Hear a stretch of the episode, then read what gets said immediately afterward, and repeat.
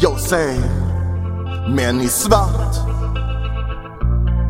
män i vitt. Tänker som så att det laget är mitt. Ja, du ser på dem själv. Vilket underbart lag.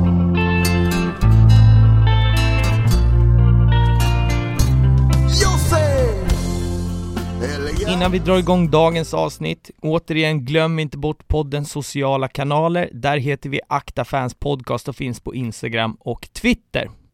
Vi har tidigare pratat om den stolta fotbollstraditionen som finns i Skåne och det ska vi fortsätta med idag. Förutom MFF, TFF, Helsingborg och så vidare så finns också Landskrona Boys. För den nya fotbollssupporten en anonym klubb, men för den mer rutinerade en före detta allsvensk klubb med vitsvarta i massor på både bortaplan och hemmaplan.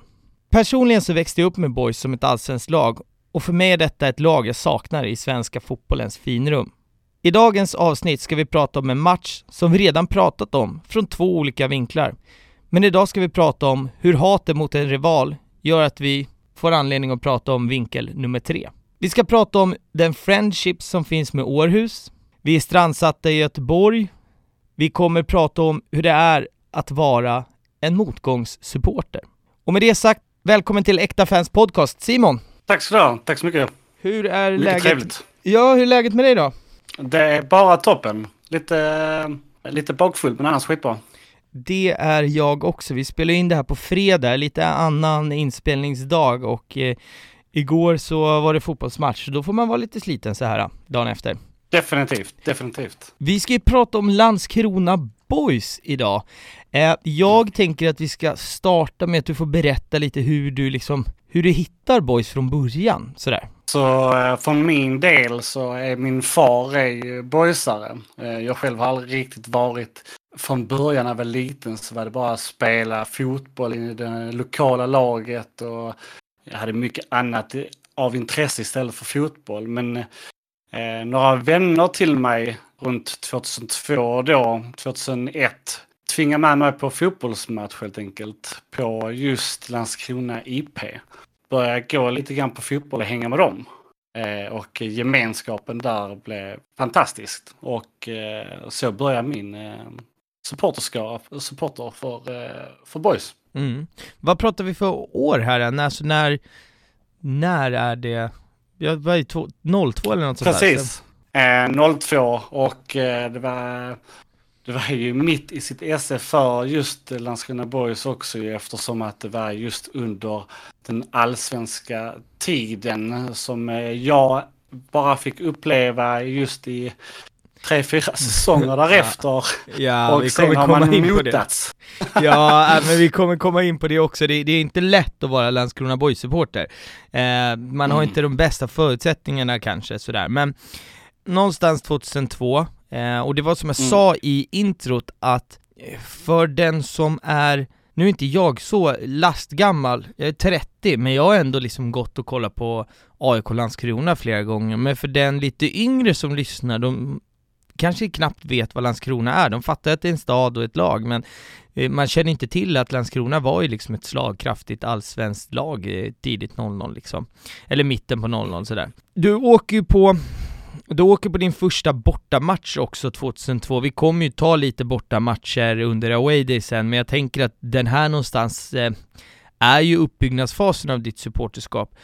Ni eh, fyller 14 bussar till eh, Malmö borta 2002. Hur var den känslan och kommer du ihåg liksom den upplevelsen att så här, åka till en annan stad och kolla på sitt fotbollslag och gemenskapen Mm. och sådär mycket folk? Hur, hur var den liksom första gången du fick uppleva det? Det var ju eh, grymt häftigt. Alltså det var ju, jag har aldrig varit med något liknande någonsin ju. Alltså just med den här gemenskapen att ta sig från en ort till en annan och vara så pass mycket folk.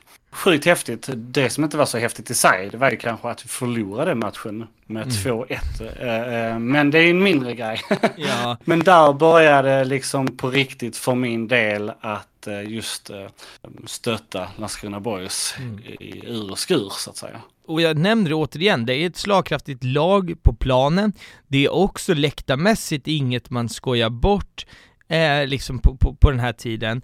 Eh, 2003, mm. det blir ju liksom din, alltså för, som jag förstår det så du kommer in någonstans mitten på, på 2002, så att 2003 mm. blir din första säsong där du från match 1 är liksom inne i det så att säga, och du skrev en, en, en anekdot eller en fakta som jag hade svårt att ta in men sen när man tänker efter så det stämmer nog fan. Ni var alltså mm. femma i bortaresetabellen 2003. Berätta om, eh, om det. Precis. Eh, jag tror det var precis efter eh, Bayern, AIK, Malmö och eh, Göteborg. Så det var ju var som så att Black and White, som var den officiella supporterföreningen, var ju ofantligt stor då ju för just Landskrona. Jag tror det var strax över 3000 medlemmar och eh, var involverade mer eller mindre hela staden just att, eh, eh att det skulle kretsa kring fotboll. Mm. Eh, så eh, Black and White hade ju axlar ett stort ansvar där faktiskt. Och vi kommer ju prata mer om det också sen, just egentligen uppgången och fallet lite utav Black and White, mm. skulle man kunna uttrycka det så, men den roligaste faktan av det hela, det här vet vi inte riktigt om det är sant, men jag väljer att tro på det, det är ju att ni faktiskt spöar Eh, Djurgården 2003 i bortaresetabellen. Eh, det här är ju också på den tiden när Djurgården är helt vansinniga, vinner exakt allt. Vi vet inte om det här stämmer som sagt, men din, du hade för dig det, så vi väljer att, att ja, tro på det. Precis. Om vi har fel så får väl någon gå in på Instagram och Twitter och slå oss på fingrarna här, men vi får ju hoppas att det är sant i alla fall. Vi hade kunnat kolla fakta, men det, det så jobbar vi inte här i, i Äkta Fans. Eh, sådär. Eh, men du var inne lite på det här med, med eh, Black and White, 3000 medlemmar i runda slängar 2003. Eh, och mm. jag tänker att vi ska prata lite om det här uppgånget och fallet utav Black and White. Ni, det som händer här är ju att ni, ni, ni trillar ur Allsvenskan 2005. Eh, vad mm. händer liksom med Black and White då? Ja men precis, det blir ju, alltså från att vara eh, väldigt många medlemmar och väldigt stor eh, supporterskara i sig.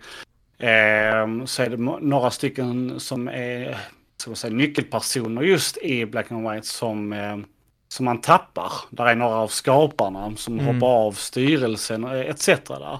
Och allt som har varit tidigare med till exempel att det har anordnats resor till exempel frekvent hela tiden. Det har anordnats flaggverkstad för kidsen till exempel och så eh, successivt försvinner det mer och mer. Och det gör också att man tappar nya supportrar och även intresset lite grann för de som är, står i valet och kvalet om att gå på fotboll eller inte till exempel. Mm. Där är ju också att det är som så att vi hade ju några andra grupperingar eh, som började slå sig utifrån just Black and White. Eh, Fanaticos, Landskrona till exempel, eh, avskärmar sig helt från eh, Black and White, skapar en egen gruppering, eh, vilket i sig personer, eh, grabbar mellan 18 eh, till 30 års åldern till exempel. Mm. Och eh, de får med sig lite yngre förmågor istället till exempel istället för black and white får det, eh, inte riktigt på samma sätt såklart ju, men Nej. ja. Ja men det, det blir ju lite så, det här händer ju egentligen för många supporter, alltså de här supporterorganisationerna, jag har ju liksom, om, man tänker Stockholm, där, där jag är ifrån så jag menar Black Army, pappa, min, alltså min farsa var ju ordförande då, och Bayern-fans, eh, Järnkaminerna och sådär, det var ju, alltså 3, 4, 5 tusen i de här grupperingarna var jättemycket. Sen blev de ju lite mindre och precis som du säger, det, det, är väl det är väl lite samma runt om i, i många klubbar i Sverige, att det kom lite sidogrupperingar och ungdomar eh, drog sig mm. till lite and, andra ställen så att säga, så, så, är det väl, men med en, en sportslig motgång så är det inte jättekonstigt att det blir liksom färre folk. Det hände väl för i, i, i princip alla, alla klubbar, men hur var det att Alltså för din egen del när man kände att det som man hade haft så tryggt och liksom kunna luta sig tillbaka på när inte det fanns lika stadigt, hur, hur mår man i sitt supporterskap då? Precis, det blir, eh, ja man, i sig så mår man ju sämre och sämre ju på grund av att man blir mindre och mindre folk på läktarna. Mm. Eh, det går hand i hand med just till exempel att ha en officiell supporterförening som just tar hand om den här, vad ska man säga, den här neutrala supporterna till mm. exempel. Och, och så vidare. De, de försvinner ju lite grann ju, och samtidigt som eh, det inte går så bra sportsligt med framgång och sådant för, för ens klubb till exempel. Då ju. Så försvinner de från läktarna och eh, samtidigt så skapas det kanske lite fler grupperingar och liknande. Eh, mindre grupperingar. Eh, samtidigt måste jag ändå säga att eh, för just Landskrona Borgs del så har det alltid varit en eh, klick så att säga som alltid är med oavsett vilket. Och den dessa personerna är med på bortaresor, eh, hemmamatcher och allt sånt. Oavsett om vi har varit i division 1 eller i superettan eller just allsvenskan. Mm. Så det är nästan alltid samma skara som är på, på just eh, matcherna. Geografin i, i Sverige kan man inte göra så jäkla mycket åt, men ni har ju ni ligger ju dumt till geografiskt. Ni ligger ju mitt mm. emellan Helsingborg och Malmö som Alltså, mm. du kanske har en annan åsikt, men om, om, om man frågar runt om i, i Sverige så är det ju två klubbar som är supportermässigt större än vad Landskrona Boys är. Och mm. att ligga mittemellan där, är det så att många kids som växer upp i Landskrona börjar heja på antingen alltså Helsingborg och eh, Malmö? Absolut. Eh, det var ju som så, det kommer nu är jag lite osäker på när detta här var, men jag kommer ihåg det så väl för att när vi har mött just eh, HIF tidigare så, har, så var inte deras supporterskara så stor som den blev därefter när Henrik Larsson vände hem. Mm. Och då helt plötsligt tyckte alla att det var så jävla roligt att gå på fotboll igen. Eh, och eh, just i Helsingborg mm. och stötta dem. Så att tidigare än Henke Larsson där så var där dipp, vilket märktes. Och sen när han kom till HIF igen så blev det väldigt skoj för folk att gå och kolla. Så då höjde de sin eh, supporterskara. Mm. Och samtidigt med vår sportsliga mindre lyckande så att säga. Ja. men jag kan ju tänka mig så här. Att, Ja, alltså det som, det som händer här, jag kan gissa på att det är många unga som är, som liksom fotbollsintresserade, när de ska välja lag, så Mal Malmö spelade liksom mot, mot, eh, mot PSG och, och, Real Madrid och samma år så låg ni i division 1. Alltså det, det, det, det gör ju nyrekryteringen knepig, minst sagt. Alltså när det är alltså, så pass nära till, till Malmö till exempel. Det gör det mm, jäkligt mm, knepigt, så, så är det ju bara, det, det kan man ju inte komma undan och det blir väl någonstans lite så att ni kanske att, att det var en generation som, eh, alltså generationsväxlingar pratar man om på läktare och sådär, och mm. här så var det väl kanske så att eh, eran generationsväxling, de, den blev inte så bra som man hade kunnat hoppas på för de började heja på andra lag i och med sportslig kräftgång. Är vi, är vi liksom Absolut. rätt på det då? Ja. Ja, definitivt, definitivt. Och vad, vad händer sen då? Ni, vi kommer komma in också på, ni har ju varit lite jojo i, i tabellerna och sådär, det har gått tungt i många år, men eh, efter det blir mindre och mindre i black and white, vad, vad händer sen så att säga? Å, åren går, vad, vart tar den eh, grupperingen eller föreningen vägen? Precis, eh, black and white i sig, de finns med, finns med väl, alltså, rätt länge så att säga. Eh, den dog ut eh, som mer eller mindre för två, tre år sedan. Alltså ja, för två, två år sedan mer eller mindre. Eh, det, och det var det så pass illa att det inte hölls några årsmöten längre. Alltså det var inte ens någon som kunde ha hand om det. Okay. Den, så en liten hint till, till någon i Landskrona i så fall som vill starta upp så finns faktiskt namnet kvar. Det, enligt Skatteverket. Okay. Men det är ingen som eh, aktivt använder det eller eh, sköter det. Mm. Eh, men ja, annars är det som så att eh, 2015 till exempel så eh, är det som så att Landskrona-familjen bildas. Oh, det kommer vi komma in på lite senare, nu är vi... Okay, ja då vi, Den, den pausar vi lite nu, vi kommer komma in på det, det eh, lite senare faktiskt. Sådär, men, men fortsätt med, med Black and White där då. Mm, precis. Så som det ser ut i, i nuläget så finns inte den med, mm, överhuvudtaget kvar så sett, alltså aktivt av någon. Mm. Vilket är riktigt, riktigt tråkigt för att det är faktiskt där mer eller mindre eh, den yngre förmågorna, alltså just som kommer till läktaren, kommer ifrån från början. Mm. Eh, just med deras eh, initiativ att hålla de här eh, kvällarna eh, med just flaggverksdagar till exempel. Eller supporterresor till olika lag och eller till olika städer och liknande. Mm. Allting sådant som får med den gemene mannen och inte just den där så kallade hardcore supportern. Mm som tar sig dit oavsett vilket. Nej, mm. tråkigt, och då får vi se om det sitter någon uh, ung hungrig förmåga som vill uh, ta tag i, uh, i black and white och, och blåsa liv i det, helt enkelt. Mm. vi har ju nämnt det här några gånger, jag tänker att vi ska baka ner de här åren. Ni har varit en jojo i seriesystemet. Ni var, ni spelar i Allsvenskan tidigt 00, ni trillar ur Allsvenskan 2005 och sen har yes. det ju varit, det har varit tungt, så kan man säga. Och det här mm. leder oss faktiskt in på veckans eh, rätt eller snett. Så vi mm. ser vart vi landar, eh, och veckans rätt eller snett låter så här.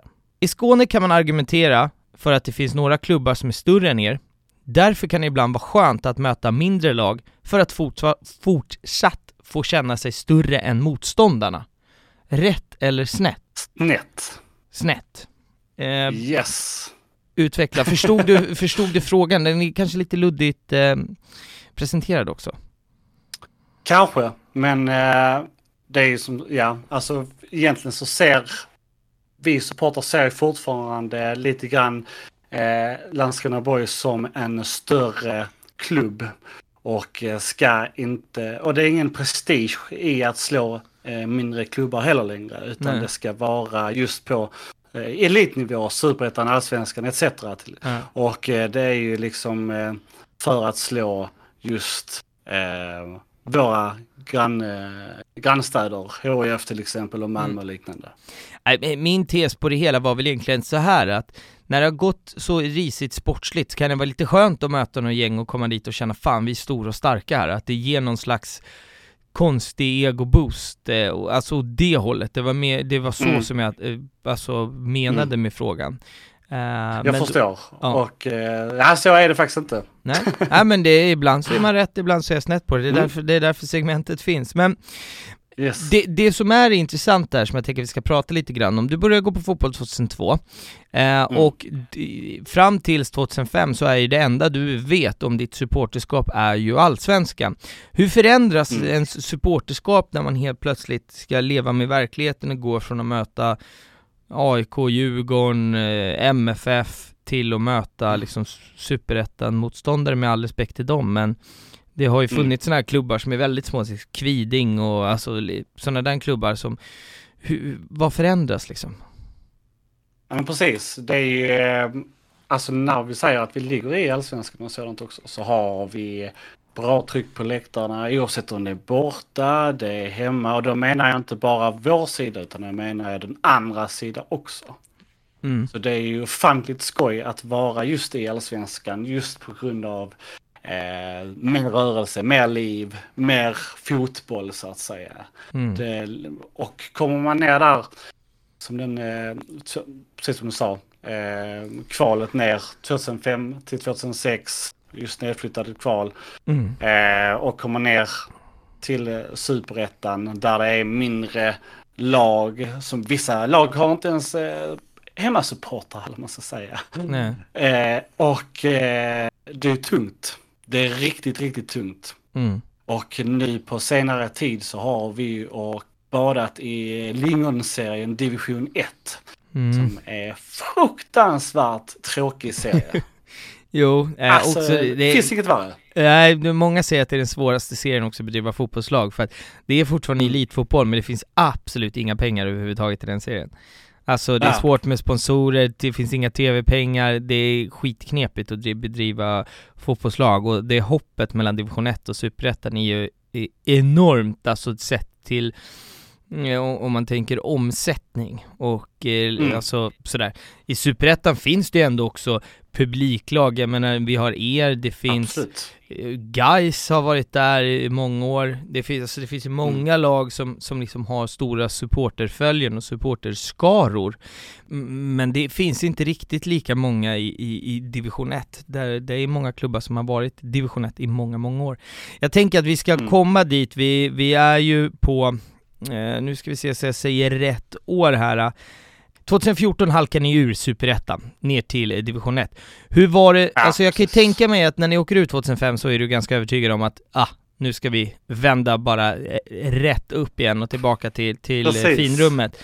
Men om man tar mellan, innan 2014, alltså hur, hur frustrerad blir man när man känner att fan, det kommer inte, och var ni nära på att gå upp något år? Nej, alltså inte riktigt. Det var faktiskt som så att eh, större delen av just eh, tiden i Superettan, den låg just, eh, un, ja vad ska man säga, mitten och nedre delen av just tabellen. Mm. Jag tror att vi var två gånger, just det, direkt efter 2006 så hamnade vi på femte plats. Mm. Men eh, därefter så var det mycket på åttonde plats, tionde plats och så.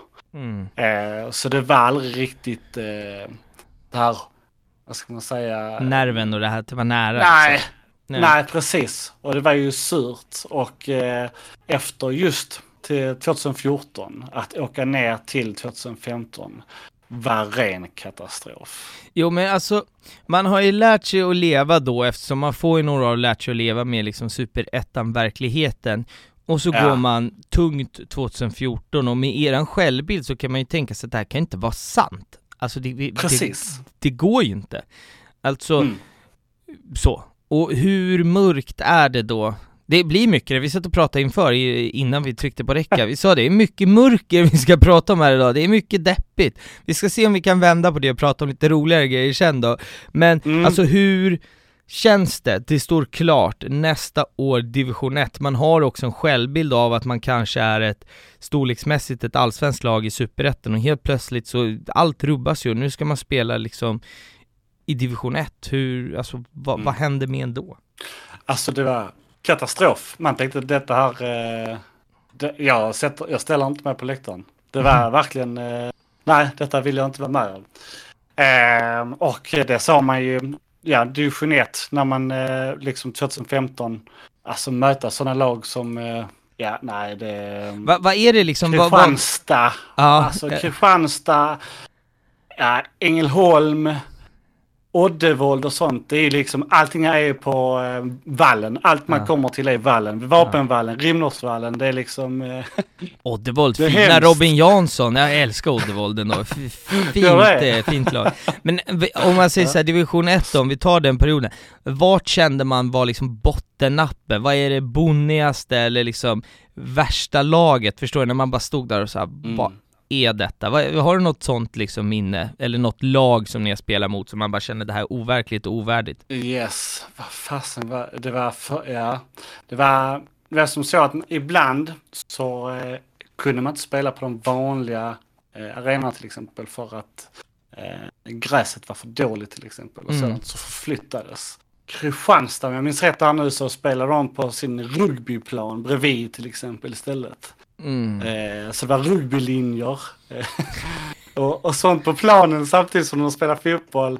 Och där satte det verkligen att eh, denna serien, den är skit. Alltså, Ja, ja.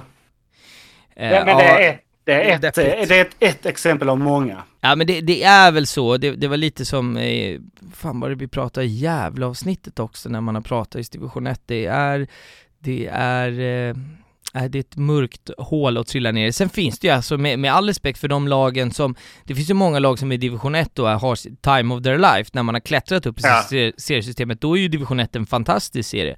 Jag som själv är Mm. från, från Haninge till exempel från början och ser IFK Haninge i division 1, det är ju jätte, jättestort för dem att få ha division 1-fotboll på, på Torvalla liksom. Men Ja. att, eh, att Landskrona är där, ja det, det är kanske, det, det är någonting annat. Det beror ju lite på vars man kommer ifrån så att säga. Så är det ju. Mm. Då var vi, Då, Ja, var det också, då var det ju också, eh, just det, det var på Örjans vall var vi också. Eh, 2015 om jag minns rätt här nu med Halmia. Ja just det, när man får Bland åka annat. till Örjansvall men inte får spela mot Halmstad. Eh, Precis. och Halmia borta 2015, den kommer vi komma till också faktiskt. Den har Mm. du pinpointat som en ruggig bortaresa, så den ska vi ta under Mm. away day sådär. Men 2017 går ni ju lite bättre. Ehm, Mm. Berätta om känslan, när började det liksom bubbla att fan, nu, nu kan vi i alla fall ta oss ett, ett steg eh, uppåt. Hur, hur kändes det den säsongen när man äntligen fick lite glädje? Det kändes väldigt, väldigt bra. Eh, hade överlag en riktigt bra säsong. Eh, fram till, jag tror det var ungefär cirka fem eller sex matcher kvar. Eller jag tror det var, ja, fem, fem matcher kvar. Och eh, det var liksom, slut var, ja, detta är klappat och klart. Och så behövde man bara vinna en match till. Eh, man kollar hela tiden på just tabellställningen. Man behövde bara vinna en match till i alla fall för att säkra och eh, det gjorde man inte. Och sen så kom nästa match och det gjorde man inte då heller. Så det gick det så. Men sen, sen till slut så släppte det så vi blev klara på bortaplan.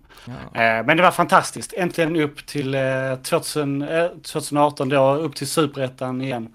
Så det var, ja, underbart. Nej, 2000 2017 är ju ett spännande år. Vi har en, eh, Mm. det, det som jag har sett fram emot det mest i faktiskt det här avsnittet kommer vi prata om. 2017 händer ju, händer ju mycket, för det, för det som händer på, på annat håll är ju att en annan eh, ett annat Skånelag eh, trillar ju en serie ner medan ni går en serie upp så att säga, vilket bygger upp för Yes. hatmöte, eh, sådär. Men då, då är ni ju åtminstone tillbaka. Jag, jag eh, ser du Landskrona Boys fortfarande som, alltså jag nämnde det, att se, alltså, ser du Landskrona Boys som ett allsvenskt lag som är lite på vift? Är, det, är du fortfarande där mentalt? Precis. Eller är ni en superettan-klubb liksom? Alltså det har ju, om man ska vara, vara lite, man ska vara helt ärlig med sig själv så är det väl, man har väl mer drömmen i huvudet om just allsvenskan såklart. Mm. Att eh, just föreningen ska förknippas med allsvenskan igen. Eh, Däremot så är man väl kanske mer realist och tänker att det tar lång tid när vi har legat i just division 1 så pass bra tid nu ju och superettan att just för klubbens skull att ligga i superettan under en längre period hade inte varit fel. Du, har ju, du nämnde ju det att här, många när man pratar supporterskap och, och sådär, då pratar man ju många gånger om att vara medgångssupporter. Att man går på Mm. sitt lag när det, när det går bra helt enkelt. Du nämnde att du Mm. är en ständig, eh, eller som, som boysare så är man ständig motgångssupporter, vilket jag tyckte var ett väldigt roligt Mm. uttryck. Eh, hur såg det ut på läktarna om man tänker då, det var mycket folk när ni, när ni liksom trillade ur eh, allsvenska, men, men hur många, hur många liksom var ni på läktarna i en division 1-match mot ett lunkgäng? Hur många, hur Ja. illa kunde det vara liksom? Ja, men det var cirkus eh, 1500. Ja. Och det är ju, eh, ska man säga, men det har alltid varit typ så när det har varit, oavsett vilket lag eller möte liknande, så har det typ så mellan eh, 1300 till 2000 personer på läktaren liksom. Mm. Ehm, så där, som jag nämnde tidigare så är det alltid den skaran som har hållit kvar, hållit sig Mm. kvar. Eh, och sen så kommer resterande när det finns framgångar igen så att säga. Mm. Som man har tappat på vägen. Det, det som ni gör här under tiden i eh, division 1, 2015 då, dels så, du nämnde ju lite själv, Landskrona-familjen, om vi börjar i den änden, vad är detta för någonting? Berätta lite om Landskrona-familjen. Landskronafamiljen är eh, en eh, gruppering som eh, vi är väl eh, 35 man kanske bara. Som eh, just åker och eh, stöttar Landskrona Boys i ur och skur så att säga. Så det är lite roligt att vi skapades under en period som är som värst för Boys. Mm. Där är, där är som sagt där är fler grupperingar än oss, så, eh, vilket är fantastiskt.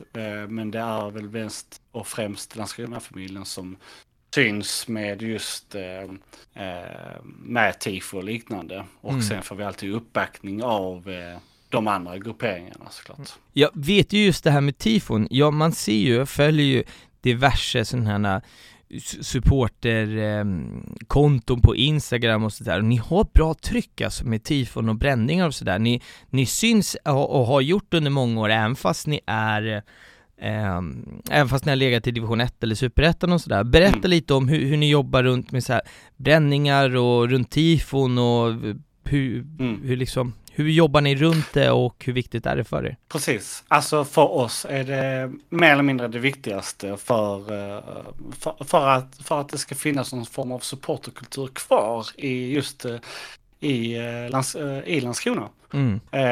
så det, den får aldrig dö ut och därför är vi väl kanske det mest drivande när det gäller det också. Just att just vara levande, en levande läktare. Mm är man inte så många så får man ta till lite tryck eh, som eh, gör att det ser ut som fler än man verkligen är och, och etc. Och eh, då brukar vi få hjälp absolut av eh, de eh, andra grupperingar för att kunna anordna större tifon, till exempel division 1, OH på 100 meter släng till exempel och lite sådana grejer. Blir, blir det så att man känner att det blir liksom så här, fan, vi är en, en stor klubb som, en missuppfattad klubb som många inte tror på, vi, eh, mm. vi, vi har gått tungt, då blir det så att man känner i magen att så här, fan vi måste ha ruggiga tifon, vi, vi måste ha eh, ruggiga bränningar för att det är liksom, det, det är det ni har kvar lite så när fotbollen liksom, när spelet går åt, åt fel håll Absolut. så att säga. Blir, blir det viktigare då, alltså eh, då än vad mm. det kanske blir om ni hade legat i Allsvenskan, för då är vi ändå här, då har man det sportsliga att luta sig tillbaka på, men nu har ni inte det. För, förstår mm. du min fråga? Ja, jag, för, jag förstår din fråga precis och jag tror du är mer eller mindre rätt på det faktiskt. Det här kanske skulle eh, varit det... rätt eller snett istället, jag vet inte. Ja, faktiskt, faktiskt. eh, nej, absolut är det så. Eh, och det är ju för att visa att det finns fortfarande engagemang i staden om just stöttning till Landskrona och man behöver inte vara så många för att eh, fixa sånt här heller. Och 2015 så hände ju någonting annat också på dina läktare individuellt med dig egentligen. Du tar mm. eh, några kliv fram och vänder ryggen mot planen och ansiktet mot läktarna, alltså börjar du agera capo. Berätta om hur du blev det och första gången du testade och sådär. Jättebra fråga. man är ju oftast lite halvknakig också när man är på fotboll. Eh, ska jag Men när det gäller just, just capo-rollen, det var ju som så, vi hade ju haft tidigare capo, eh, sjukt bra sådana, eh, under just superettan-tid och allsvensk tid. Eh, men att eh, under eh, hemmamatcherna så var vi fortfarande så pass många personer kvar att vi skulle fortfarande kunna dra ihop ordentligt med eh, tryck från mm. läktaren. Mm. Mm. Och eftersom det inte vann någon eh, capo längre eh, så var det alltid att, ja men eh, kan någon dra igång en sång eller någonting sådant. Så det var väl mer än, eh, man, man, man gick in och tog, man tog det, vad ska man säga, man fyllde tomrummet bara. Mm. Det var, jag tror det var mitt under en match eller något sånt så började man successivt och sen så byggde vi, vi hade ju sedan tidigare ett, eh, en Capo-podium och liknande mm. sånt. Men den hade rivits sedan några år tillbaka. Så vi byggde en ny och eh, jag tror det har hjälpt även eh, just många som bara står och tittar och eh, inte gör så mycket längre. Eller mm. tidigare. Eh, väljer istället att sjunga med och eh, lyfta laget just ljudmässigt så att säga. Mm. Jag tror att Capo har en otroligt stor roll i många ungas supporterskap, alltså någonting som man inte kanske reflekterar över men jag tror att mm. jättemånga står när man är, fan vet jag, 11-12 år gammal, när man är lite så osäker, man tycker det är lite coolt att vara på fotboll, att folk sjunger och upplever hela den. Och de tindrande ögonen som, som unga killar och tjejer har när de tittar på någon som står med ryggen mot planen och styr en läktare. Det är ju alltså det coolaste man, man kan tänka sig. Jag vet så här, mm. när jag gick på fotboll, jag tyckte ju redan min farsa var coolast, men de få gångerna han klättrade upp på räcket, alltså det var ju som så här, fan, jag visste inte hur jag skulle ta vägen vad coolt det var. Och jag tror att många mm tänker att fan, där vill jag stå en dag. Sen när man blir lite äldre så kanske man inte blev capo nödvändigtvis, men jag tror att det får folk att utveckla sitt supporterskap jättemycket. Jag tror att de har en extremt viktig roll för att alla vill ha uppmärksamhet och vem får uppmärksamhet? Jo, alla kollar på Capon, det är den coolaste killen eller tjejen på hela läktaren liksom. Så jag tror att det är en jätteviktig eh, roll för fram, eller Mm. morgondagens supportrar om man ska uttrycka sig så då. Jag har aldrig tänkt på det sättet faktiskt, så det var intressant. Ja, nej men det, jag, jag tror definitivt, och jag utgår ju mycket ifrån mig själv. När jag gick på fotboll, jag hade ju inte så jävla Mm. mycket val när jag gick med fa- farsan liksom. Eh, sådär, men alltså de, de som stod på räcket var ju, det var ju det coolaste som fanns och de såg man ju upp till. Vilket gjorde att jag blev aldrig capo, men jag tror att det utvecklade mitt supporterskap definitivt. Sådär. Ah, intressant, vi har eh, bakat av lite Landskrona-familjen och eh, ditt eh, kaposkap. Och nu ska vi in på någonting som, alltså när du skrev det här till mig, så bara eh, så pausade jag mig själv, jag satt med min telefon, så pausade jag mig själv så sa vänta här nu, vänta, vänta, vänta, vänta. Är det här den här matchen? Och då sa du ja, jo det är den här matchen. Det här är alltså en match som vi i två olika avsnitt har pratat om. Vi har ett gäng supportrar som går ifrån den här matchen jättedeppiga, som vi har pratat med. Vi har pratat med ett gäng supportrar som är superlyckliga när de går därifrån. Och det är Halmstad och eh, Helsingborg avsnitten. det är ju en kvalmatch mellan Halmstad och eh, eh Helsingborg 2017. Eh, eh, Halmstad kommer från Superettan, Helsingborg kvalar eh, från Allsvenskan. Ni är ju inte, kanske, ni älskar ju inte Helsingborg supermycket som fotbollsförening sådär. Vi kommer vi kommer in lite djupare på, men ni, ni tycker så illa om dem så att ni drar på den här matchen, slänger upp eran banderoll. Ber, berätta om, om det här, det här är ju fantastiskt. Ja, det var ju faktiskt rätt roligt. Eh, Det, eh, det var inget planerat eller något sådant, men det var fortfarande biljetter kvar på just bortasektionen. Och ja, jag och eh, vän, vi tänkte ja, varför inte? Så eh, det är som så, vi, om jag minns rätt så var det som så att HF hade inte åkt ut ur allsvenskan på 21 eller 24 år. Då Mm. tänkte vi att om de skulle göra det nu, då vill vi inte missa detta. Så vi hämtar vår banderoll och drar till eh, Helsingborg helt enkelt. Och eh, när vi kommer in där, det är lite roligt, när vi går på fotboll i vanliga fall så känner man folket och allting sådant. Eh, så vi försökte vara lite, lite neutrala. Men det var väldigt rolig stämning just Halmstad-supportrarna var väldigt glada och allting sådant. Det var, och eh, de har inte så många sånger, men eh, vi eh, sjöng med, drog upp banderollen och liknande. Och ja, Men hur reagerade, om vi, om vi börjar så här, ni kommer in på Halmstads läktare, alltså bortaläktaren då på Olympia. Eh, mm. ni klämmer upp eran banderoll. Vad sa Halmstad-supportrarna? De måste ju undra, vilka fan är ni? Vad är ni här? Alltså, så, ja, det gjorde de också. vad var deras reaktion? Vad sa de liksom? Nej, de tyckte det mest var roligt. Eh, vi sa precis som det var. Vi var, sa liksom att vi, vi är från Landskrona och eh, vi står här av samma anledning som ni står här. Mm. Att eh, Helsingborg ska åka ur allsvenskan. Och eh, ja, sen börjar vi köra sånger och liknande sånt ihop. Alltså. Ja. Du, vi pratade lite kort om det här innan också. Eh, Helsingborgs SLO blev inte asglad över, eh, över den här Nej. banderollen. Berätta om Ja, det. precis. Ja, precis. Där är ju eh, mindre glatt, vad ska man säga, mindre glädje mellan HF och eh, Boys och det har alltid gjort ju. Mm. Och eh, SLO'n i HF, jag tror att när det blev 1-1 och liknande så rusar han. Jag ser någon rusa framför oss och han bara rycker ner banderollen och springer därifrån. Lyckligtvis nog så hämtar eh, polisen den åt oss. Och vi hänger upp den igen. eh, men eh, man såg hans vrede där att eh, han var icke glad. Nej, ni var ju kanske inte de, eh, de mest omtyckta personerna i Helsingborg den dagen, så kan man ju säga. Nej, eh, definitivt. Det var det som så också att var ju också som så att jag träffade då eh, en, eh, eller ja, jag blev tillsammans med min eh, nuvarande sambo under det här året och hon satt ju då i styrelsen för Kärnan och var och är riktigt stor supporter för Helsingborg. Och hon stod då på Södra Stå och sjunger där. Och eh, då kände jag en extra sug också att ställa mig i Halmstadklacken. Fy fan, ja, det, hur, eh, och, alltså vad händer när, när, när ni kommer hem sen och träffas. Alltså hon har Ja. precis åkt ur allsvenskan, du din jävel har stått på och inte ens heja på motståndarlaget, bara varit där för att håna och hata. Alltså hon kan ju inte varit Mm. superglad på dig. Det här är ju, Nej, folk nej, har skilt sig, inte. skilt sig och gjort slut för betydligt mycket mindre ska gudarna veta.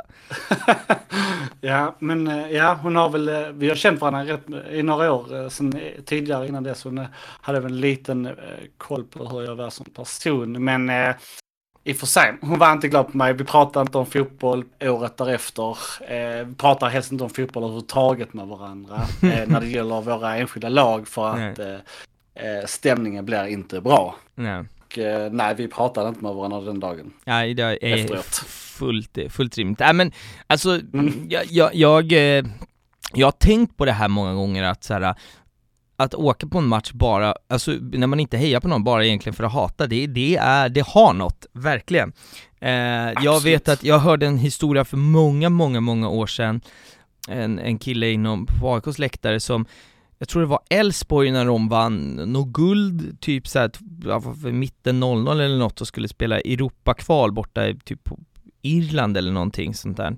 Så drog han, drog han dit, alltså han åkte utomlands bara för att hata Elfsborg, för han hatade dem av någon så här märklig anledning, så han hade en hang-up på dem, så han åkte utomlands bara för att hata de där jävlarna. Det är sjukt, men det, det har ju något och är kul alltså. Sådär. Ja, absolut. Det var dock eh, lite, eh, lite en överdrift kändes det nästan som. Men det där var, ja.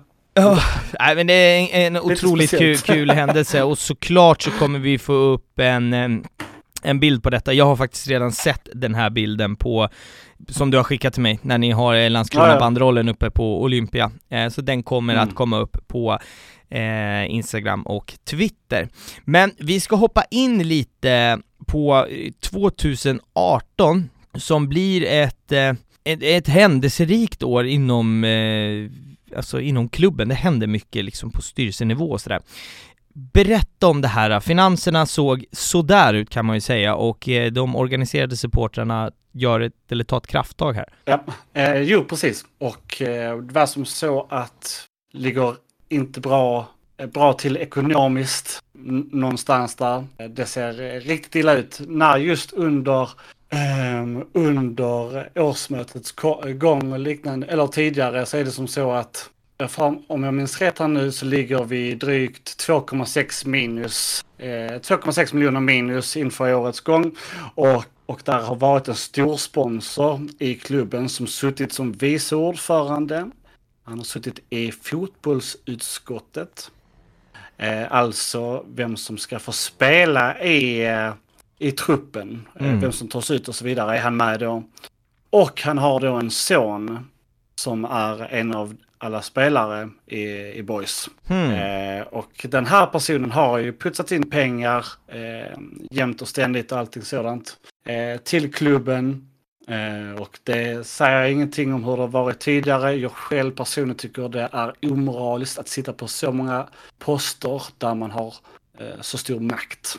Mm. Ehm, och därför eh, inför det här året eh, så börjar supporter, supportrar gå ihop och eh, finna en annan lösning till en annan styrelse och skickar det här förslaget till valberedningen. Valberedningen väljer att avvisa, avvisa det här förslaget helt och hållet, tas inte ens upp. Eh, när, om jag minns rätt här nu, så när det uppdagas från då den, den sittande styrelsen om att detta här sker. eh, tro det eller ej så är det faktiskt som så här att då köper den här storsponsorn eh, 500 eh, medlemskap eh, till sina anställda eh, innan årsmötet sker. Ja. Ja. Eh, och då tänker man att ja, men det är trevligt, det är snällt av honom att köpa medlemskap. Absolut är det det, men dessa medlemskapen var ju från förra året. Och Mm. från förra året, det enda det medlemskapet har då, ja det är rösträtt. Mm. Så det blev mer och mer skrivelser i tidningen om just detta här. Jag tror Olof Lund nämnde upp det på Fotbollskanalen och liknande. Och sen under, när just årsmötet skulle ske, eh, så var det alldeles för mycket folk i lokalen. Eh, så årsmötet fick flyttas till ett annat datum, till en större lokal. Och eh, ja, under det här årsmötet så avsattes styrelsen helt och hållet. En helt ny Ja, styrelse. alla, eller hur? Det var inte en kotte Ja, ja. kvar. Mm. Ja, en var kvar faktiskt. Okej. Och han blev då vår ordförande. Och eh, samma sak med valberedningen, eh, ny valberedning och liknande också. Det känns ju, det här känns ju som att ett eh, ganska halt sätt då i princip gå, gå förbi eh, föreningsdemokrati och 51%-regeln och allt sånt som man eh, liksom kämpar och brinner för helt enkelt. Om man bara kan köpa in röster för att eh, liksom Mm. rå åt sig egen vinning. Det låter ju också som att det är någon farsa som är, du vet, va- vars Ja. son inte kanske är tillräckligt bra, så har man bara en rik farsa som kan köpa eh, ungens speltid. Det låter ju lite så. Sen vet jag inte hur, hur bra Mm. eh, sonen är, det ska väl inte kasta någon skam över honom sådär, men det är ett, ett Mm. väldigt, väldigt fult sätt att, eh, att agera på och skönt att ni blev eh, av med den personen helt enkelt. Mm, mycket, mycket. Eh, Va, ja, Jag kan tänka mig att det var ett rörigt årsmöte, sura miner va? Fruktansvärt rörigt årsmöte. Det är så, så alltså, som jag nämnde innan med just den ekonomiska situationen var ju fortfarande att när de nya styrelsen tog över då ju så hade man ett eh, minuskapital på, eh, som jag nämnde, jag är nästan säker på att det var cirka 2,6 miljoner. Mm. Kan, det kan vara mer. Eh, men jag har för mig att det var minus 2,6 miljoner. Det hade man redan övertrasserat spelarbudgeten för året och allting sådant också. Så eh, den nya styrelsen fick helt enkelt från 2018 eh, göra om helt organisatoriskt i klubben. Man börjar dra ner på allt. Kutta alla av, utgifter och försöka göra om det så bra som möjligt för klubben ekonomiskt och även försöka vinna lite grann när det gäller poäng sportsligt. Eh, och eh, då menar jag att man eh, kom tvåa 2019 med ett helt nytt ungt lag mer eller mindre. Mm. Och det laget består, av- bestod utav unga, närodlade spelare och vi förlorar då i ett kval mot Öster. Mm. Vilket i sig var skitsurt. Men det var ingen, det var nog första gången någonsin man aldrig kan klaga klubben eller laget för att ha missat ett kval. För att det var en sån stor bedrift att bara ta sig dit Ja, på ett helt nytt ungt lag. Så det var helt fantastiskt. Vi kommer ju, vi kommer ju eh, prata lite om det unga laget också, jag klämmer in en liten eh, cliffhanger i att Landskrona har fått en, en fantastiska smeknamnet Skånes Bilbao, det ska vi prata om senare, otroligt citat. Eh, sådär, men ja, superintressant och, och skönt att ni, ni fick rätsida på det hela. Det hände ju också en annan grej 2018, du blir avstängd, berätta. Mm, ja, mycket trevligt. slutet av, eh, det var nästan slutet av säsongen. Eh, det var på en, eh, självfallet en Östermatch borta. Håller i en OH. Eh, Och för de som inte vet vad en OH, jag tror nästan att alla vet vad det är. Men det är ett stort tyg, tygstycke, tygstycke, det kan stå någonting på det, budskap eller vad som helst till exempel. Men jag står och håller den här i alla fall. Och eh, därefter så bränns det på läktaren. Eh, och eh, någon vecka senare så eh, får jag ett brev hem att, att klubben har beslutat att ge mig eh, tillreseförbud vid eh, idrottsarrangemang och eh, då är det också från Svenska fotbollsförbundet. Alltså jag får inte gå på någon match överhuvudtaget. Och, det, och anledningen till detta här, det var för att jag har, det står så här, du gjort dig skyldig till att maskera individer på bortaläktaren som gjort det möjligt att använda illegal pyroteknik. är, är helt eh, vansinnigt hur man kan stänga av någon för det. Det är alltså, det är inte du som har maskerat dig, det är alltså inte du som har bränt, du har hållit ett tygstycke och därav så får du inte gå på fotboll. Precis. Och jag skrev, eh, för man får lov att yttra sig såklart också. Mm. Jag yttrade mig om det och eh, menar precis som du, eh, bara det, det är helt sinnessjukt. Man kan inte, det, det är inget, vad ska man säga, det, det, är inget, det är inget fel att hålla i en flagga. Nej. Eh, Oavsett om det har en pinne på sig eller om det inte har det. Ja, det är helt absurt. Det, det låter nästan lika absurt som den här polisrättegången om eh, två unga AIK-supportrar som de höll också i, någon budskaps, eller i den budskapsbanderollen när man outade de här poliserna som eh, sköt ihjäl Erik Torell. De är också i, i rättegång för att de höll i den. Det är inte de som har skrivit den, alltså de var bara där och, och höll i, i, i flaggan liksom, som jag har förstått det. Så att, äh, det är väl godtyckligt sådana här med avstängningar och det är väl också en en, en sjukdom eh, som, som liksom finns runt klubbarna. Jag förstår att man behöver stänga av stökiga supportrar och stävja vissa saker från klubbens håll. Det kan vara också ett, ett statement eller att vissa får liksom Ja, eh, vad, vad, är det man säger? Att man statuerar exempel, så heter det. Eh, men det här är ju helt, helt galet. Men du fick in, ingen mm. upprättelse mm. i det? Du, eh, avstängningen nej, stod kvar? Mm. Hur länge ja, blev du avstängd då? Ja, det var ju... Jag klarade mig så sett. Den, eh, det var resten av, eh, resten av säsongen så sett. Och mm. Det var inte många matcher kvar. Ehm, så det var rätt lugnt så sett faktiskt. Jag ja. kunde se den utanför. Ja, skönt. Det är väl det som är bästa med, när vi pratar om de här risiga mindre arenorna, det sköna är att om man inte får gå in så kan man stå utanför och titta. alltså, Exakt. Man, man ser in ändå. ja, ja, absolut. Ja, men intressant. En, en eh, väldigt rörig avstängning också, väldigt konstig. Du, vi ska mm. hoppa in på poddens andra segment när vi närmar oss timmen. Away Days ska vi in på. Jag tänker mm. att jag har två stycken här, sen kommer vi prata om eh, några fler sen lite senare i ett annat segment, eh, sådär. Men eh, vi tar väl det kronologisk ordning och pratar om IFK Göteborg borta 2007 bussen får en mm. spricka i framrutan, berätta om det. En riktigt sjuk dag.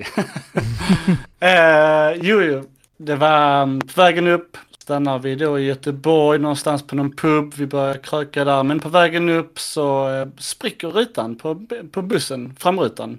Det var en sån dubbeldäckare och så var det var på det övre eh, etaget där det hade spruckit på. Nu är jag lite osäker på just varför det kom en spricka. Det har mm. kommit lite olika historier genom åren. Allt från att det kastades en sten till att någon eh, slog eh, sönder rutan. Men ja, jag vet inte riktigt. Ja, vi hoppar av, eh, kör pubsamling innan, sjukt fin stämning och allting sådant. Går på matchen. Under matchen, tror det var under halvlek eller liknande, så säger någon till oss bussen drar. Okay. Vi bara, vadå bussen drar? Jo, då eh, hade han fått nog, den här busschauffören, så han eh, sa, ja, hem, eh, ut med allting, så alla fick ta ut grejerna och allting sådant från bussen. Och sen så drog busschauffören med bussen. Och eh, där var vi strandsatta i gö Götet, så att säga. Eh, förlorade matchen också självfallet i Svenska cupen-matchen. Skittradigt var det faktiskt. Alla fick ta sig hem hur man än kunde. Eh, åkte till, eh, drog till stationen då ju. Vissa åkte tåg, eh, vissa åkte bussar som satte sig i allt som man kunde få plats i bara för att åka därifrån. Poliserna som var med oss, de sa det att eh, här kan ni inte stanna länge. Eh, där är andra supportrar som är ute efter er. Så ja, just det, ni hade Gais och IFK som var ute också och letade va? Precis, stämmer. eh, ni, får, ni, kan inte komma därifrån för er buss har dragit. Den, ja. Exakt. Det var lite, lite halvtaskigt läge faktiskt. Eh, mm. Men vi, många, många får plats i de här tågen och liknande. Det var, började bli sent på kvällen ju. Eh, mm. Så det gick inte så många tåg och sen så gick bussarna mitt i natten. Så vi var tvungna att stanna på då tänkte vi, ja men vi tar buss då, då eh, stannar mitt i natt, till mitt i natten.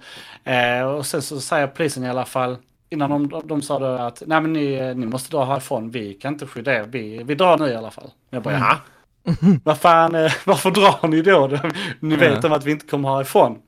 Mm. Eh, slutar med att eh, det, vi, vi har väl kanske sex, ja fem, sex man kvar. Det var några som var ute och, och, och letade och så var det jag och eh, tre andra tror jag vi var, fyra stycken. Och så kommer det två stycken eh, bjässar så att säga. Mm. Eh, som mm. var då IFK-are. Och frågade om vi ville, vi ville slåss. Bjöd upp dans. Vi bara, nej, alltså då var jag inte så gammal fortfarande. Och sa nej, alltså nej, vi är inte intresserade liksom. De bara, jo, jo. Och eh, sa de då, ni fyra mot oss två, nu kör vi. Bara, nej, vi är inte intresserade. Så slutade med det istället att eh, vi snackade lite grann och så eh, helt plötsligt så eh, blev det mer eh, vänskapligt än eh, fiendaktigt och eh, så sa de det att nej men här är Gaisare som är ute efter er också. Vi stannar här så ser att allting är lugnt och hjälper er istället om de kommer. Vi bara okej. Okay. Eh, Vilken vändning. Så det var, ja, mycket surrealistiskt, eh, om vi säger som så. Mitt i natten så, eh, så kommer det buss till exempel, som vi har väntat på. Klockan var väl halv två och liknande, så då kunde några få plats.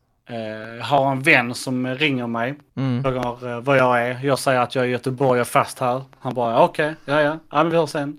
Klickar, han ringer upp mig efter tio minuter. Är du kvar i Göteborg? Ja, givetvis är jag kvar i Göteborg. Han bara, ja men jag kommer upp och hämtar er. Så han eh, körde från Landskrona upp till eh, Göteborg och eh, plockade upp oss eh, sista personer. Och körde hem. Det var, ja, var väl hemma vid halv fyra på morgonen. Fy fan. Ja, tur att ni inte åkte på däng i Göteborg och sjukt av bussbolaget, busschauffören bara dra, kasta ut grejerna och ha det bra, hej. Eh, mycket. absurt, absurt.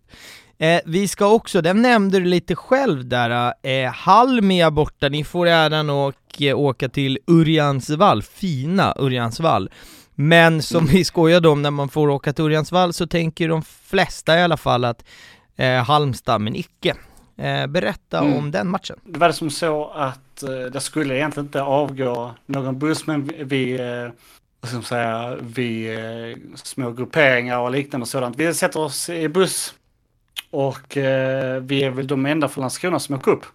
Så Mm. i, eh, i själva den här tidningen dagen efter så stod där en oanmäld buss kom till, eller eh, kom upp eh, när Halmia skulle möta Landskrona Boys. Mm. Jag vet inte hur det var möjligt. Eh, det är inte så långt dit, men varenda person som var på den här bussen blev så dyngrak. Så det var helt ofattbar resa. Alltså på sån kort tid så är alla helt, helt väck. Mhm. Vi kommer ut ur bussen. Vi hamnar på fel läktare. Det börjar ösregna. Där har på något sätt, jag vet inte riktigt varifrån dessa kom, där är typ någon form av riddarmundering och sånt av papp som folk tar på sig. Eh, går över planen. Eh, det var, ja det var Rörigt låter det bara mm, som. Som rätt uttryck. fruktansvärt rörigt. Ja. Eh, vi hade, det var som så också under den här tiden, så hade Boys en riktig svacka spelmässigt. Vi hade gjort pilar och liknande för, på, på läktaren för att peka liksom, här är målet. eh, och så till spelarna. Det finns ju en Alltså, sån var- klassisk, eh, vi hittade den, Ja, det här ja. klassiska klippet på vad fan är det? Jag tror det är Precis. så här italienska serie B eller någonting där det, alltså det, den videon, för övrigt för er som inte har sett den, är bland det roligaste jag har sett. Det var ju, Ja. ja de är typ 200 pers på en så här stor läktare där deras lag inte har gjort Yes. mål i fyra, ja, fyra inledande omgångarna, så alla målar så stora pilar, orange och grönt, och så springer de runt på läktaren och, och så att eh, spelarna alltid ska se och peka mot, eh, mot mål, otroligt. Eh, och det gjorde ni också, fan Så- vad kul! Så det var, ja, mycket, mycket märklig bortaresa. finns, det, finns det rörligt på det här eller? Ja, det är bra fråga. Jag ska se om jag kan hitta efter. Ja, det är sånt, fast slänger vi upp det på Instagram. Äh, men, Ja. äh, nej, kul, det blev eh, ett, eh, det var inte tänkt, men det blev ett fylleslag i alla fall, och pissregn Ja, och dålig fotboll, ja, det eh, låter som ett litet eh, bottennapp om inte annat. Ja, ja, absolut. Vi, vi ska prata om lite fler resor, och här ska vi gå in och prata lite rivaliteter och sådär. Ni har ju, innan vi kommer in på Helsingborg, som är väl den stora boven i det dramat, så Mm. ni har ju haft matcher och resor mot öster där det har blivit jävligt stökigt. Var, var kommer det ifrån? Mm. Riktigt bra fråga faktiskt. Va, vi var ju uppe eh, något år då också. Han körde pubsamling Helsing- i, i, eh, i Växjö. Mm. Och eh, då körde vi pubsamling där och eh, vi var väl två bussar upp. Och det var sjukt fett. Det var riktigt god stämning och liknande. Och när vi går därifrån och ska gå mot arenan så går vi förbi Stars and Stripes.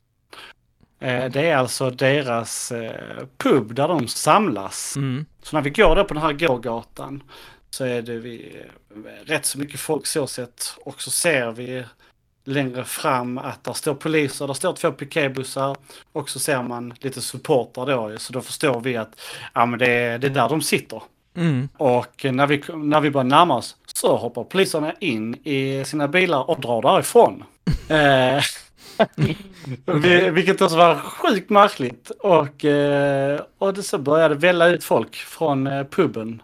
Och eh, ja, givetvis, det blir stökigt. Det blir mycket stökigt. Mm. Det var någon galleria som fick stänga ner för det kom in rök i gallerian. Eh, som var precis intill puben där. För eh, det var ja, bengaler och rökbomber och liknande sånt överallt. Mm. Och eh, det kastades cyklar hit och dit. Ja, det var mycket, mycket stökigt. Mm. Eh, och det fortsatte också inne på arenan faktiskt. Är det här första gången det blir liksom grinigt mellan eh, era supporterskaror eller? Ja, ja, mer eller mindre ja. Mm. Mer eller mindre. Inne på arenan så tar de, är det som så att Black and White finns ju fortfarande kvar då ju, men eh, är väldigt få personer så att säga. Så de har en stor, stor Black and White eh, eh, flagga som hänger från övre etage ovanför oss. Och eh, den eh, var några, några östersupportrar över och snudde. Mhm. De tar den helt enkelt och drar upp på sin egen, springer bort på sin egen läktare, på kortsidan alltså, och hänger upp den där. Och eh, då drar vi över. Jag förstår inte hur detta är möjligt egentligen, där är ju staket överallt och eh, så vi hoppar över ett tiotal personer och springer över till eh, deras hemmastå. Mm. Och eh, ja, det blev ju jättestökigt. Eh, och tar tillbaka flaggan. Ni fick tillbaka den i alla fall? Ja, ja absolut. Mm. Men det var, ja, det var Det här- det här- fruktansvärt stökigt. Mm.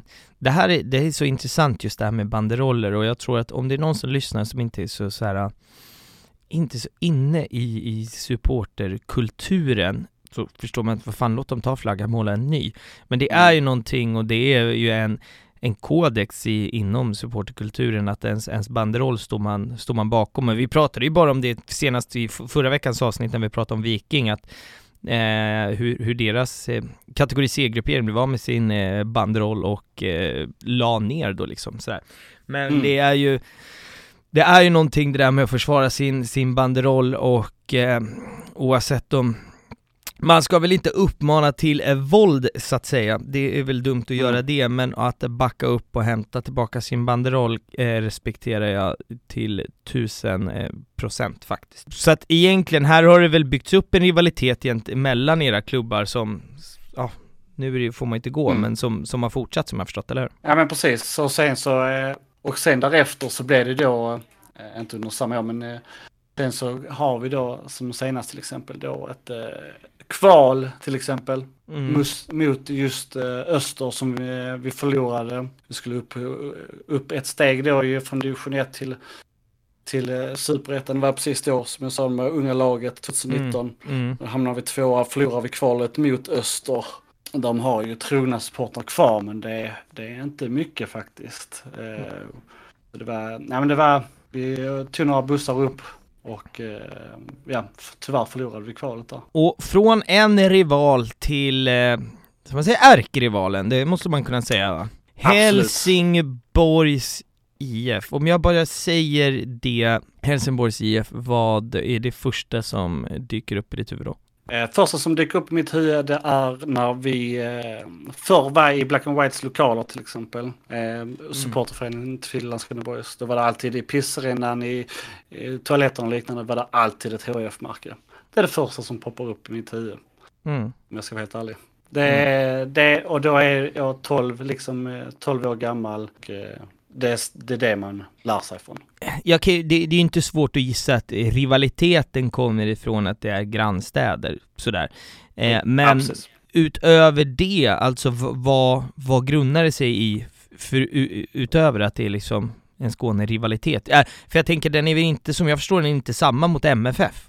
Alltså så då eh, måste det vara någonting annat? Precis, den är ju inte det ju. Eh, jag ska vara helt ärlig så har jag inte allt så mycket kött på benen för att eh, kunna yttra mig där faktiskt. Det är, från min sida så är det bara ett uppvuxet hat sen, eh, sen, jag, var, sen jag var mindre av Mm. eh, precis min far till exempel och liknande och sådant också. Mm, mm. Det är ju som sagt det är ju 10, met- 10 minuter ifrån oss. Eh, ligger i Helsingborg och ja, 35 minuter ifrån oss ligger Malmö. Ja, det har väl att, att, att, att göra med det. Hur var det att alltså, tidigt 00 så, så spelade ni mot varandra i Allsvenskan. Ni Mm. trillar ur serier, inte serie utan serier faktiskt, i Mm. plural. Eh, men vi har ju pratat om den här matchen när Helsingborg åker ur och samma år så går ju ni upp och nu ska ni äntligen få mötas i Superettan 2018. Hur var känslan inför att få spela mot dem igen? Ja, sjukt häftigt faktiskt. Det var... Från vår sida så är det lite speciellt att just möta Helsingborg oavsett, eh, oavsett vilket liksom. O- Mm. Oavsett eh, om vi är i Superettan eller Allsvenskan eller eh, om det är Svenska Cupen eller vad det nu råkar vara.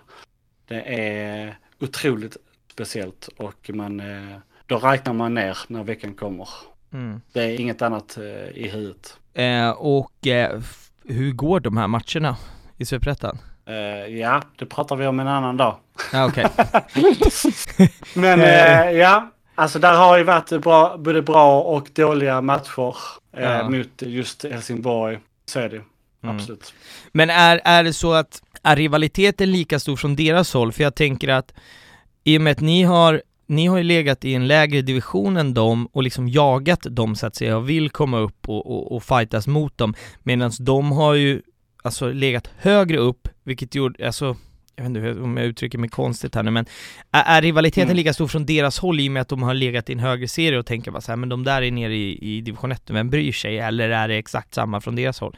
I deras lokal, är det Landskrona Boys liksom klistermärken i toan där? För att min känsla är att det är MFF snarare va? Ja men precis, det är nog eh, lite mer åt eh, MFF-hållet från deras del eftersom eh, i modern tid så att säga så har de ju haft större möten än vad, än vad vi har. Så absolut. Ja, men det låter väl rimligt. Och även här ska sägas 2018 så, det var du inne och nämnde lite tidigare, så um, har ju du ju faktiskt det udda i att eh, i ett derby stå med din partner på, på varsin klacksektion. Den har jag faktiskt också haft med före detta flickvän. Det är väldigt udda att stå och och hata på motståndarlaget i 90 för att sen komma hem och pussa på sin tjej liksom. Det är jättekonstigt men hur, hur, Mm. var, hur var den liksom? Och Ja, det, precis. Alltså, för det var ju som så att eh, jag kommer ihåg det när vi spelade hemma. Eh, hon åkte iväg tidigare på dagen. Eh, om jag minns rätt så var det en tisdag. Det spelades klockan 19.00. Eh, de hade samling eh, och så, pu- pubsamling och så innan matcherna, eller innan matchen. Mm. Eh, och eh, hon hade tagit ledigt och liknande så, så hon var, de var där och krökade och liknande så. Sen så tog de tåget och eh, gick till IP och eh, för min del var det samma sak. Fixa lite tidigare på dagen och på ett annat håll eh, med mina vänner och, och stå som capo samtidigt på en sån här match där det var, jag tror vi var 9000 i alla fall. Mm. Vi tar inte in mer än 10 000 på läktaren. Mm. Eh, Så jag tror de hade sparat av vissa delar. Så det var fullsatt. Ja, det var häftigt. Matchen slutade för övrigt 1-1. Så eh, för jag kommer ihåg det så väl. Karim Sadat satte in ett mål i, jag tror det var 92 minuten och något sånt. Eh, Så det gjorde en reducering där. Så det var en häftig match överlag. Det var en Strålande solsken, öl, mängder och eh, ja, det var sjukt nice. Kan förstå det och häftigt att äntligen få spela mot varandra igen. Eh, Ja. Ni har ju, vi studsar vidare här också, vi börjar närma oss slutet, men vi har, ni har ju en friendship med Århus. Berätta om den. Ja, den är lite intressant så sett faktiskt. Vi har ju inte någon officiell friendship så sett kanske, eh, om jag ska vara helt ärlig. Det har vi icke, men eh, vi har varit på varandras matcher väldigt många gånger. Jag tror att eh, vi har väl haft ett 10-20-tal personer från deras sida i Århus eh, just har varit på våra matcher när vi då legat i till exempel Superettan och, och Mm. liknande sådant. Det har blivit mindre med åren såklart eftersom att våra matcher är ju inte direkt sexiga att titta på längre. Mm. Eh, så sett. Vi har väl varit på deras matcher ett eh, 20-tal gånger istället. Ja, okej. eh, Ja, Ja, det är ja kanske lite... 20-30 gånger. Ja, det är, med, med all respekt så är det väl lite sexigare att åka dit och kolla, vad ska vi ta, FCK eh, mot, Absolut. i, istället för, eh, för att eh, kika, ja, Ängelholm Mm, var- till exempel. Eller Ja. Kristianstad. Det, ja. Vi var i kuppen eh, där i danska kuppen ju. Så var vi Ja. över. Några från Landskrona-familjen var över. Och eh, kikade, gick med i eh, ja, deras marsch Mm. till arenan. Eh, det var hundra bussar från eh, Århus. 100 som, eh, bussar. åkte Satan. Hundra stycken bussar. Ja. Helvete, ja. Fyllde hela, ja det var sinnessjukt. Det var, jag tror det var 38 000 på läktaren och sånt. Fy Det fan. var Ja, det är mycket folk alltså. Ja, det var sjukt häftig dag också. Så likadant, den dagen var solig som fasen. Och det Ja. var sjukt. Fy fan vad jag bara- stämning. Eh, Hör hur polisen är så, ah, hur många kommer de? Ja, de kommer 38 000. Bara, åh, förstår du det infomötet? Så, Ja, nu kommer det borta supportrar. Ja, hur många kommer den här gången? 38 000, 100 bussar. Helvete. Ja, eh, fy fan. Eh, spännande. Eh, Och kommer den friendshipen för att ni ligger liksom nära geografiskt eller vad, vad kommer den ifrån i grunden? Nej, absolut inte. Från grunden är det faktiskt som så att det är några vänner som, eh, ja, ja vad ska man säga, det, det är vänner från Ja, början. vänner till varandra, Typ två, tre vänner som känner varandra och sen så bara blivit mer och mer och mer och mer. Så det har varit eh, utvecklat så sätt. Så det har varit jävligt häftigt så sätt. Jag förstår, jag förstår. Eh, vi nämnde det här lite tidigare, jag lämnade det som en cliffhanger. Skånes Bilbao är ett otroligt citat fortfarande, jag är helt tagen utav det, men eh, det är någonting som ni faktiskt är väldigt stolta över och det har lite, alltså det finns, det finns någonting bakom det. Berätta varför eh, journalister har kallat Landskrona Boys för Skånes Bilbao. Ja, det är att eh, samtliga spelare i eh, just eh, Borgs trupp är födda i Skåne. Mm. Och det är rätt, rätt fräckt faktiskt. Så det är, alla har en, eh, alla är spelare runt omkring Landskrona faktiskt, mer eller mindre. Där är några enstaka som inte är just Landskronit, men de är eh, födda i Skåne.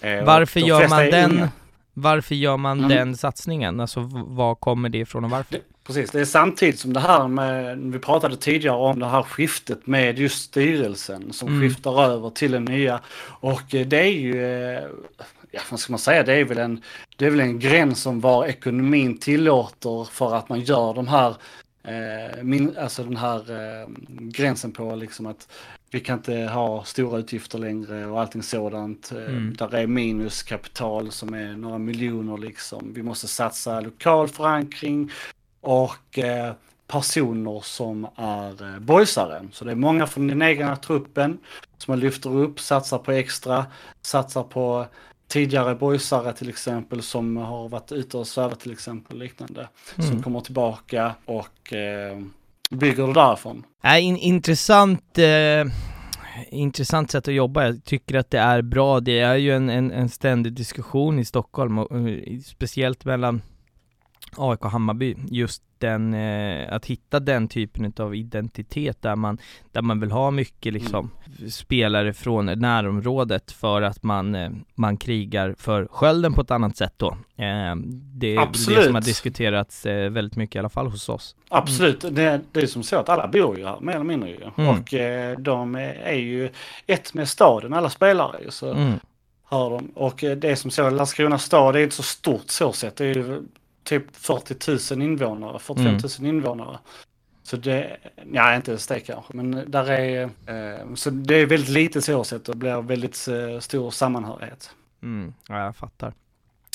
Du, vi har haft en väldigt fin stund och prata om fina Landskrona Boys. Är det någonting innan vi ska liksom eh, stänga det här kapitlet av Äkta Fans podcast som du känner att så här, du vill ta upp eller som vi har missat eller sådär? Mm, nej, Men då har jag egentligen en fråga kvar till dig eh, och det är vad är supporterkultur för dig? Eh, för mig är det samhörighet och eh, glädje till sitt lag oavsett division. Passion oavsett division. Det är väl en eh, Ja. känd hashtag? Ja. Ja. ja, men vad fint.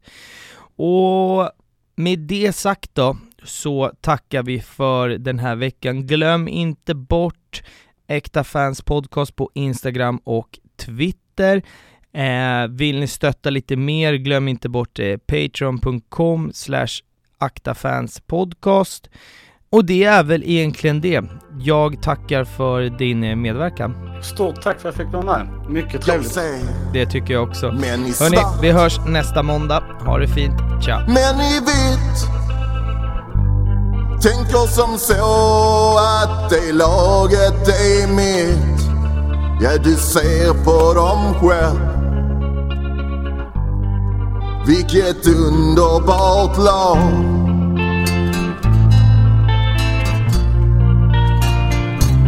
Jag ser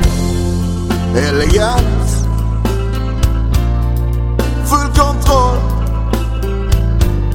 De spelar boll som rock'n'roll. Ja, du märker det själv.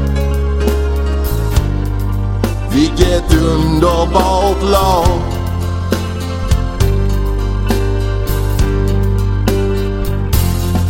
Du kan luta dig tillbaka, bara drömma lite grann. Som om Gud var lika randig, han som sinne din sida.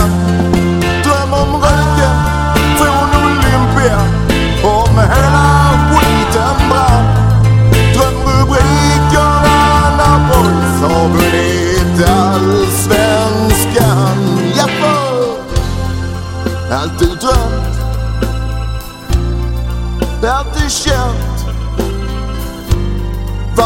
så gott som liniment.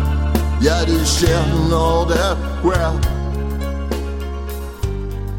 Vilket underbart I samarbete med Esen Studio.